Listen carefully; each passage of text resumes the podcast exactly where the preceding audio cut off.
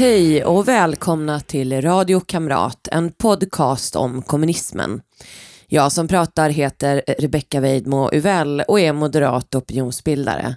Jag är även kandidat till riksdagen för Moderaterna i Stockholms stad. Vill ni se mig i riksdagen och bor i Stockholm? Gå med i Moderaterna och kryssa mig i höstens provval för medlemmarna. Jag måste kryssa mig in till plats 1-7 för att ha en chans. Syftet med Radio Kamrat är att fylla det hål av kunskap om kommunismens förtryck som finns och som gör att kommunister trots all fakta ändå anses rumsrena. Jag vill med poddserien därför folkbilda. Vill ni som stödjer mitt initiativ om folkbildning om kommunism bidra kan ni swisha till 123 444 5847 eller så blir ni Patreon på patreon.com och sök efter Rebecca Weidmo Uvell så hittar ni mig där. Sponsra med 9 kronor per månad och uppåt. Det här avsnittet är ett Radiokamrat Extra, ett extrainsatt avsnitt med anledning av något aktuellt. I helgen tvingade Vitryssland ner ett Ryanair-plan som passerade över vitryskt luftrum på väg mot Litauen. Med stridsplan tvingades planet i luften att landa i Minsk och en passagerare tvingades av, en vitrysk regimkritiker, Roman Prostasevich. Han sa innan han lämnade planet att han kommer få dödsstraff.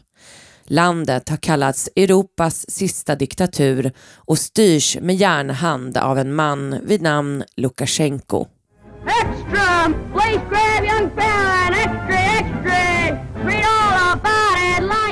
Vitryssland eller Belarus? Med tanke på att Bela betyder vit eller klar och Rus betyder Ryssland så är Vitryssland helt korrekt att säga, även om många numera verkar säga Belarus. Landet blev 1795 införlivet i det ryska tsarriket från att ha härskats av både Litauen och Polen under lång tid. Geografiskt ligger Vitryssland mellan Ryssland till öst, Ukraina till söder, Polen till väst och Litauen och Lettland nordväst. När landet annekterades av Ryssland förbjöds vitryskan och man tvingades tillbaka till rysk-ortodoxa kyrkan från katolicismen. En ryssifiering inleddes. Ett kort tag efter den ryska revolutionen 1917 var Vitryssland självständigt mellan åren 1918 och 1919. Då bildades Vitryska SSR, en socialistisk stat under ledning av kommunister och 1922 var Vitryssland en av de första medlemmarna i nybildade Sovjetunionen, som de var ända till järnridån föll 1989. Under andra världskriget invaderade Tyskland landet och den östra fronten utkämpades bland annat där. Detta lämnade landet i ruiner. Mer än 25 procent av landets befolkning dog som civila eller som soldater i Röda armén. Den judiska befolkningen blev nästan utplånad av Hitler. Inte förrän 1971 hade landet lika stor befolkning som man hade haft innan andra världskriget. Please.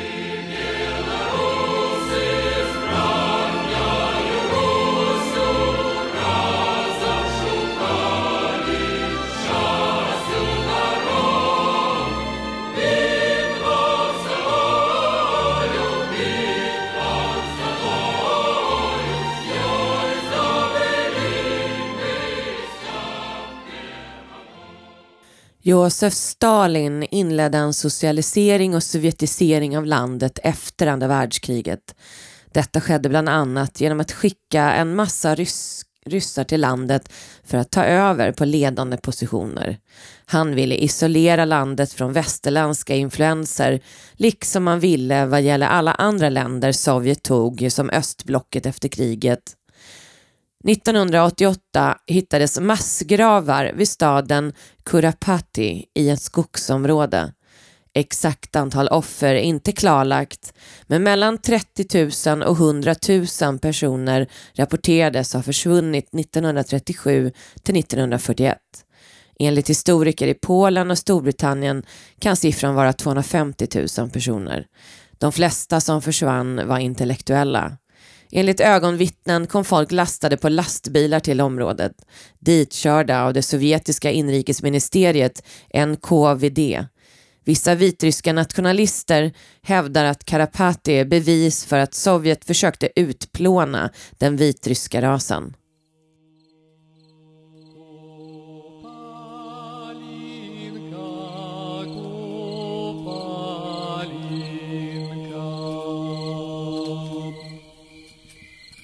Pour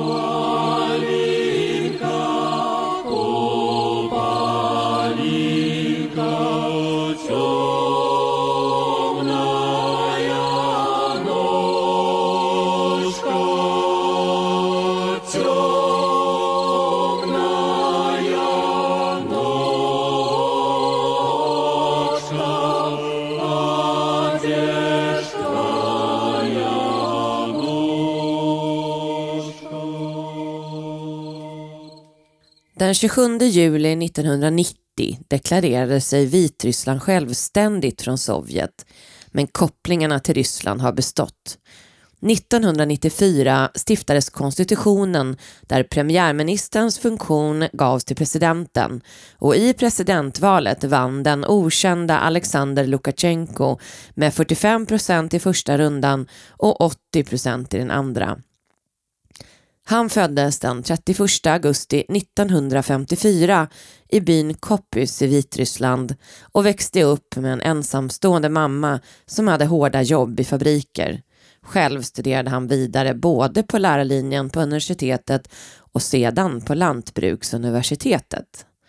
Mellan 1975 och 1977 tjänstgjorde han som gränssoldat vars trupper var underställda KGB han var instruktör på en politisk enhet i Brest och sen tjänstgjorde han 1980 till 1982 i den sovjetiska armén i Minsk. 1977 till 1978 ledde han även en ungkommunistisk leninistisk grupp i Minsk, Komsomol, som betraktades som en slags ungdomsförbund till det sovjetiska kommunistpartiet. Efter att han lämnade militären gjorde han politisk karriär i det sovjetiska kommunistpartiet CPSU. Först som förman på ett kollektivjordbruk och sen distriktschef. 1990 blev han vald till Supreme Council där han fick rykte om sig att vara en stark motståndare mot korruption, vilket gav honom uppdraget att leda en antikorruptionsenhet i parlamentet. Han var med och åtala 70 statliga företrädare inklusive Högsta domstolens ordförande och premiärministern för att ha stulit statliga medel. Detta lyckades dock inte bevisas och ingen av dem dömdes till fängelse. Så här i efterhand ser det ut som ett slugt sätt att bli av med det politiska motståndet bara. För efter han själv blev vald till president har inte antikorruption varit hans fokus direkt. Det var också med antikorruption som han kandiderade till president 1994 och vann.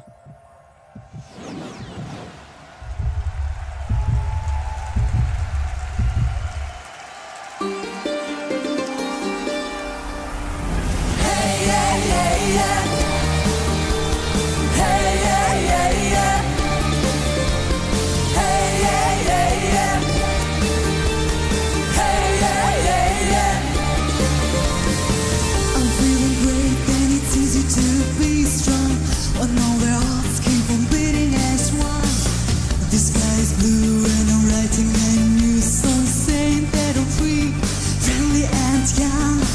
I have so much and I'm ready to show you. Let's come together, so here is my hand. We're gonna fly, watch your lips and the full view feels full of gold.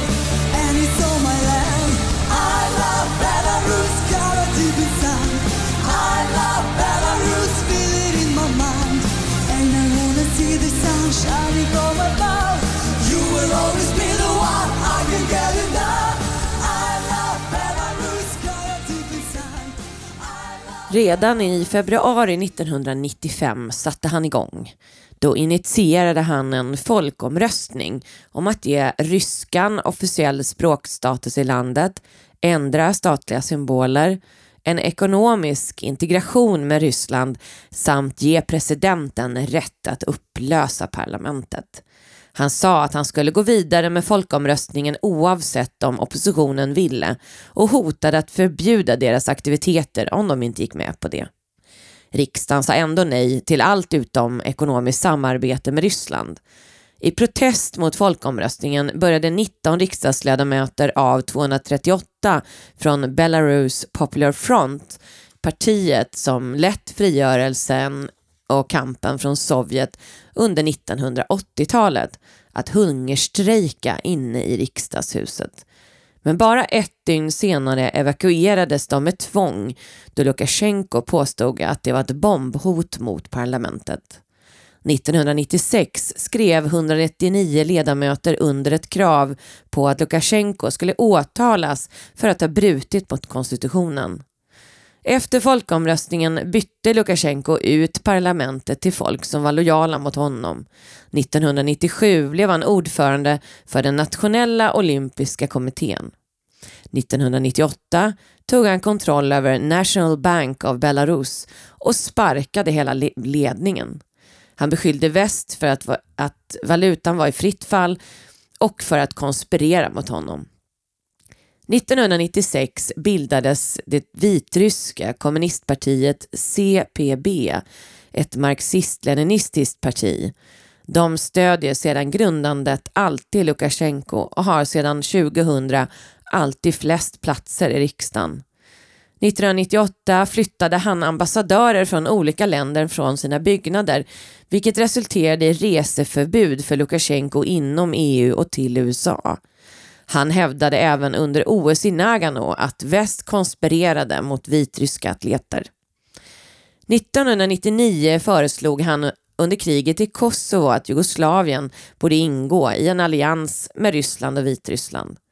Han har också bytt flagga från den vita och röda självständighetsflaggan tillbaka till flaggan man hade under Sovjet men utan hammaren och skäran. Den röda och vita är numera oppositionens flagga. Hans andra presidentperiod varade mellan 2001 och 2006. Även detta val vann han med nästan 80 procent. Han vinner varje val så. Inget av valen har godkänts internationellt som legitima. 2004 annonserade han att en folkomröstning skulle hållas för att ta bort gränsen för presidentperioder. Tidigare fick man bara sitta två perioder. Han vann även detta med nästan 80 procent. Under Lukasjenko har ekonomin visserligen vuxit mycket men det beror framför allt på att han har fått köpa olja billigt av Putin under marknadspris, raffinerat den i landet och sen sålt på marknaden. Ekonomin är alltså dopad av Ryssland precis som under Sovjettiden. 2006 samlades oppositionen bakom Alexander Milinkevich. Lukasjenko svarade då att alla i opposition som tänkt protestera skulle få sina nackar knäckta som en gås. Milinkevich fick 3 procent av rösterna och Lukasjenko 84 procent. Han medgav senare att, att han hade riggat valet till sin nackdel. Egentligen fick han 96 procent av rösterna. För åtta månader sedan svors han in för en sjätte mandatperiod. Alexa.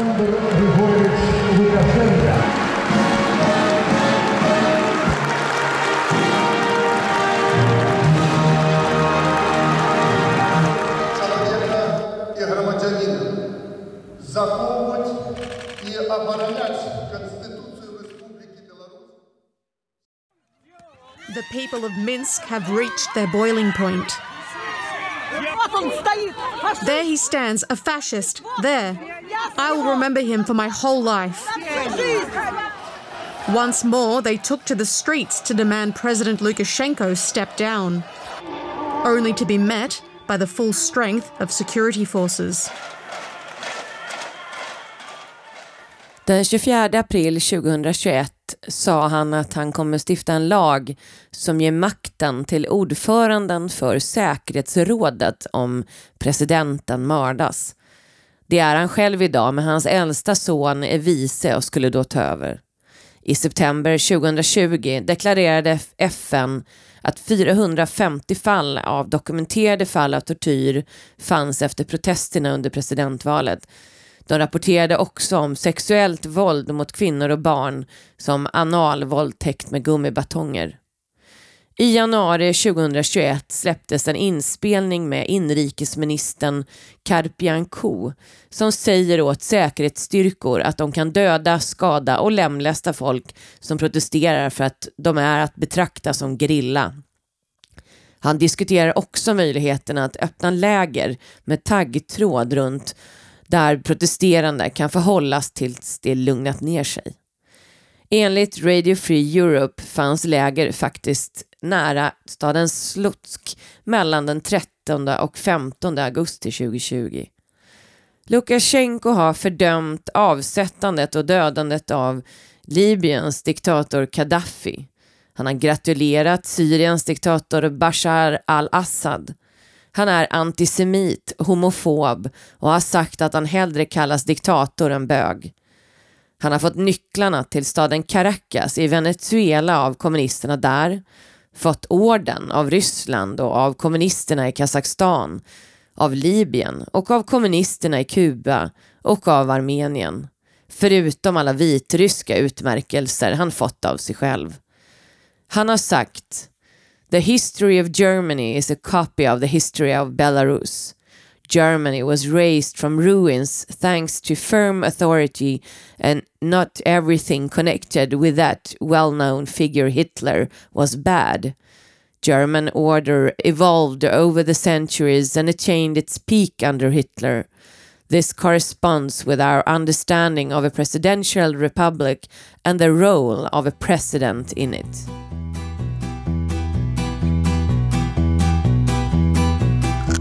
Dieser Diktator kommt sich so hart vor. Doch er ist out, ja so out wie sein Schnauz, Schnauz, Schnauz. Ganz Weißrussland sagt, mach mal Schluss, Mann. Du gehst uns allen auf den Sack. Hau ab, hau ab, rufen die Arbeiter vor dem Werk eines staatlichen Fahrzeugherstellers in Minsk.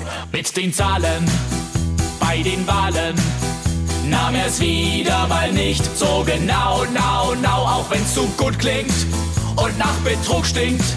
Das war ihm immer scheißegal. Der Typ, der freut sich seit 94. Doch Belarus, Belarus sagt jetzt ciao, ciao, ciao. Er sagt, ihr Dreckspack, euch sperr ich weg, zack, und Knüppel volle Det är dags att tacka för mig och tacka för att ni har lyssnat. Vill ni stödja mitt initiativ för folkbildning om kommunism kan ni bidra genom att bli Patreon. Sök efter Rebecca Weidmo och sponsra från 9 kronor per månad och uppåt via patreon.com. Glöm inte att prenumerera på podden så får du automatiskt alla nya avsnitt i din app. Tack och på återseende!